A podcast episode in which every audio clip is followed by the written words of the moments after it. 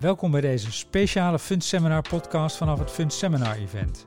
Journalist Michiel Pekelharing interviewt Aymar de Lotan, portfolio manager Shaheen Capital. Aymar, would you please introduce yourself? Thank you, Michiel. Uh, yes, uh, so uh, my name is Aymar de Leotoin. I'm a portfolio manager for Shaheen Capital. Uh, I've been there for the past five to six years now, uh, managing funds in the um, quantitative space. So, yeah. Uh, maybe a word on uh, Chahine Capital. So uh, the, this asset manager is uh, we are managing 1.8 billion euros now uh, in a range of uh, six funds. Well, it's a quite uh, quite busy fund landscape these days. What is it that sets your fund apart? What is it uh, unique about your strategy? So the, the, the strategy we are managing. Um, are um, all cap European equities mainly. Uh, we also have a US funds, but uh, slightly smaller. But the flagship fund, uh, we've been managing it for the past 23 years now. Um, so, as I said, it's an all cap fund, uh, actively managed, and uh, using a systematic approach. Um, based on momentum, momentum signal, and that's what we've been doing for the past 23 years su successfully. And, and can you define successfully? Uh, yes, the, well, the, let's say the annualized return over the past uh, 23 years were 10.4 uh, percent compared to a market uh, up 5 percent roughly. And what's behind this this uh, this strategy? I mean, how does it work? So basically, the way it's built, so it's as I said, it's a, a systematic process, very quantitative. we are a team of um, portfolio managers all of us uh, are engineers, so we're really um, into data and data management. So we're starting from a very large universe of stocks. Uh, we don't have any uh, any personal view on the, the stocks we, we select. And uh, from this, we, we filter the universe with liquidity and this kind of uh, criteria. And, and then we apply our momentum strategy. So the, the, the, way the strategy is built, you have to, to think about it as a, um, a combination of three sub-portfolios. Each, one, each portfolio is based on one momentum signal. So we've been using um, three momentum signals. The first one is the historical one, the one we've been using since the beginning. It's the price momentum. So basically, what it's looking at, it's uh, uh, it's looking at the price movement and the price dynamic of a stock on the market. Mm-hmm. Uh, we have a second one that we added along the way in uh, year 2015. Uh, that is the earnings momentum. So it's looking also at the trend of the stock, but from a different perspective. In, instead of looking at the price uh, behavior, we're looking at analyst revisions uh, on the stock.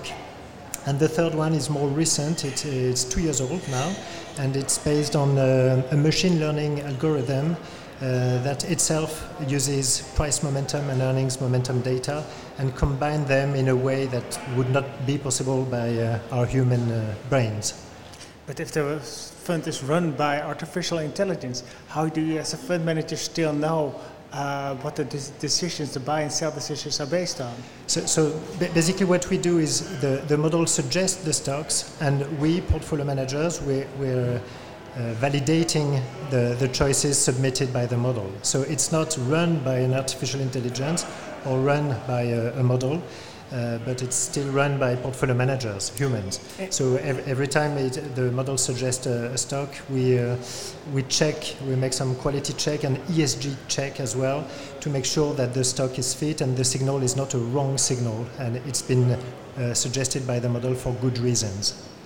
And can you give some examples of how machine learning has um, improved the decision making of the of the program? So ba uh, basically, so out of the three sub strategies that we have, so the machine learning is on the third one. Yeah. And um, the, the, the thing is, we as an input we provide it with elemental price momentum and earnings momentum figures and uh, the, the model is able to maybe see some patterns that we couldn't see uh, as humans uh, because uh, machines of course can uh, proceed very vast quantities of data in a way that we couldn't and uh, assemble this and, and combine this into one score. So basically at the end of it we're using the score to, to select the stocks Right on. And most of the time, I, I can imagine that, that um, momentum investing works quite well in a bull market. But isn't it dangerous in a bear market that most of the stocks that have great momentum, that have risen quite fast at these tipping points in the market, are most vulnerable to the downturn? Uh, of course, that's what we could think. Um, well, the, the, the, strategy is fully invested, so it's always fully exposed to the market. So when the market is going down, we're going down as well. When the market is up, we're going up. Uh, the, the, the thing is, the strategy is really favorable to us when uh, there is a strong gap between the, the, the, winners and the losers in the market. So if there is a, a, strong difference between winners and losers, then it's very good for our strategies because then all the process that is in place is able to capture the couple of winners that going to make us help us make the difference compared to the market. The relative performance is what it's all about. Exactly, and and to um, because we're using momentum uh, indicators, we navigate the, the changes in the market. So whenever there's some uh, change in the market, we're able to capture it. So for instance. Uh, uh, when there's a sector rotation or when things changes, yeah. it takes a, a, while for us to, to adapt. But then, uh, uh once uh, the, the, the, trend is captured, it's uh, it's good for us. Yeah. And one of the big changes, one of the big discussions right now in the asset management industry is the battle between value and growth. Yes. How do you manage that? I mean, how does the program manage that? Well, the momentum indicators that we're using, of course, uh, for them it takes a, a, while to adapt. So whenever there is a, a, style rotation, if it's a bit brutal, then we're going to lag for a while, uh, for okay. a couple of days, and then uh, we, we, are able to catch up. So even if the fund, uh, over the past 23 years, even if the fund has a, a growth bias, um, now and then it's able to, to change and to modify its allocation to adapt to changes. So, for instance, uh, back in 2016, there was this value switch. Uh, with a strong um, recovery from stocks that were really uh, uh, beaten down. Yes, exactly. And we were able, so the model was able to, to, to catch the new trend of these uh, recovery stocks. And uh, it helped us uh, uh, past the year uh, normally.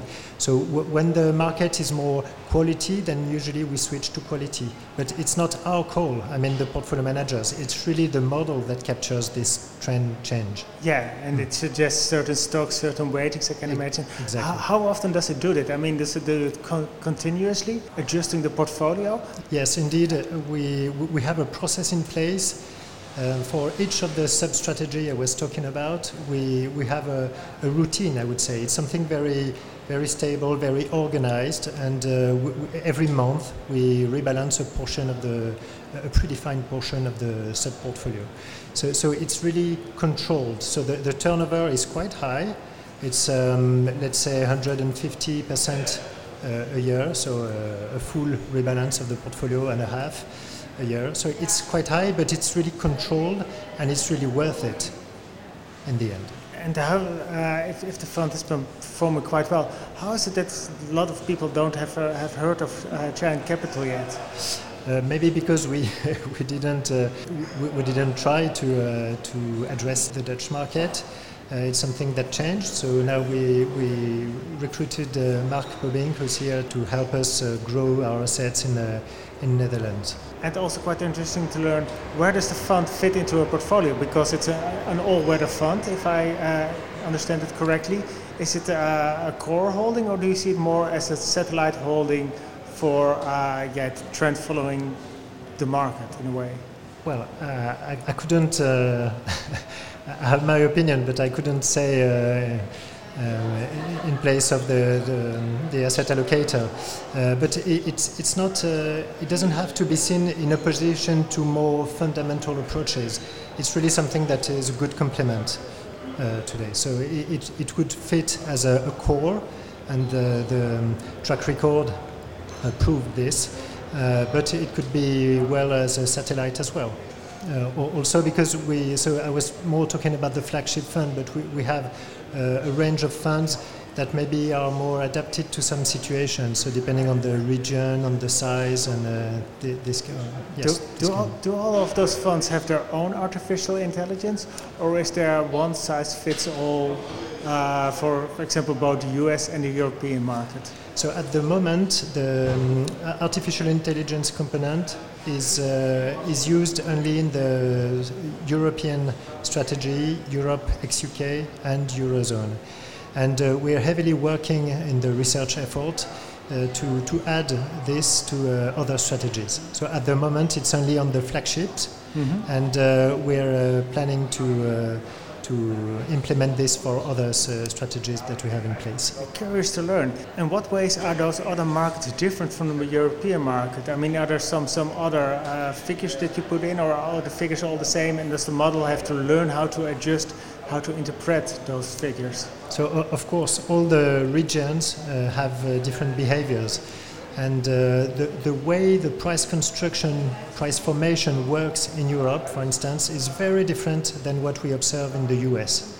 So in the US, uh, prices uh, are a bit, price movements are a bit amplified and uh, can break very suddenly, more sharply, which makes it very difficult to, to, to build a strategy on price momentum. I'm not saying it's impossible, I'm saying it's more difficult and uh, the, the, the, price momentum indicator that we've been using in, the, in Europe for the past 22 years uh, doesn't really work in the US. It works a bit, but uh, at, at, a very high cost of uh, very sharp drawdowns. Yeah. So we didn't choose this metric for the US fund. We're using the earnings momentum that is based on the analyst uh, revision. And to us, it means that um, probably analysts are revising their estimates um, based on some very tangible and very fundamental and structural reasons uh, for the companies they, they follow. And that makes the signal more stable or more usable to us. And that's why we've been using it uh, since, the, since the three years now in the, in the US. But the, the research effort, quantitative research effort that we are making currently is really focused on adding another component to the US uh, equities fund, uh, including machine learning, because it's part of our toolbox now and it, it, it proved to add value. So uh, we're, we're planning on uh, adding this very soon. Okay, and how do you explain the difference between the US market and the European market where momentum doesn't work? I mean, is it uh, are US investors a bit quicker? Are they quicker to react to news? Yes, definitely. They are really quicker to react. For the reason for this, we, we don't know for sure, but probably a hint, uh, some hints, maybe a market more efficient and more arbitraged, uh, which makes it more reactive. So whenever there's uh, some news or some event uh, affecting a stock, then uh, it's exaggerating, it's amplifying the movement. So due probably to high frequency trading and this kind of uh, of mechanisms in place. Yeah, very likely. I don't have any proof, but it's something we observe. And and uh, the volatility. How do you keep the volatility of the fund in check? Because I can imagine if you play the momentum game, it can be quite uh, yeah quite volatile.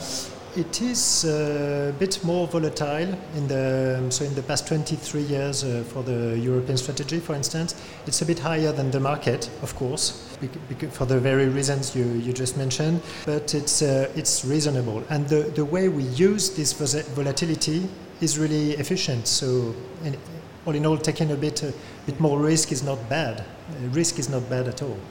As long as you get a reward for the risks you Of course, yeah. and since the re- reward has been uh, uh, good for the, yeah. for the level of volatility, then it's fine.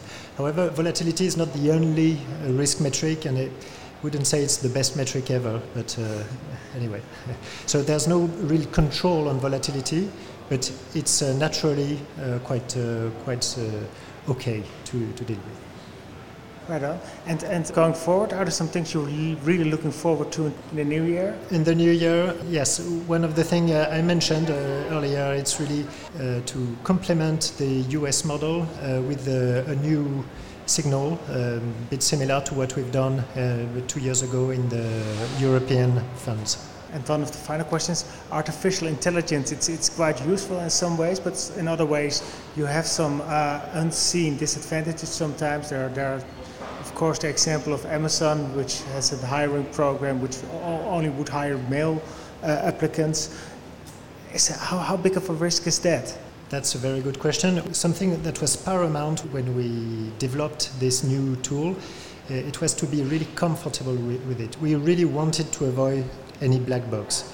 And what it's doing is just uh, you, you, have to assign it a task, and the task of the machine learning algorithm we developed is really to, to guess, to have an estimate uh, of the future performance of a stock. So it's really something um, that, that, that is quite dedicated and focused. So there's no real risk uh, like uh, we could find on uh, Alexa or this kind of, uh, of tools. It's really dedicated to selecting stocks.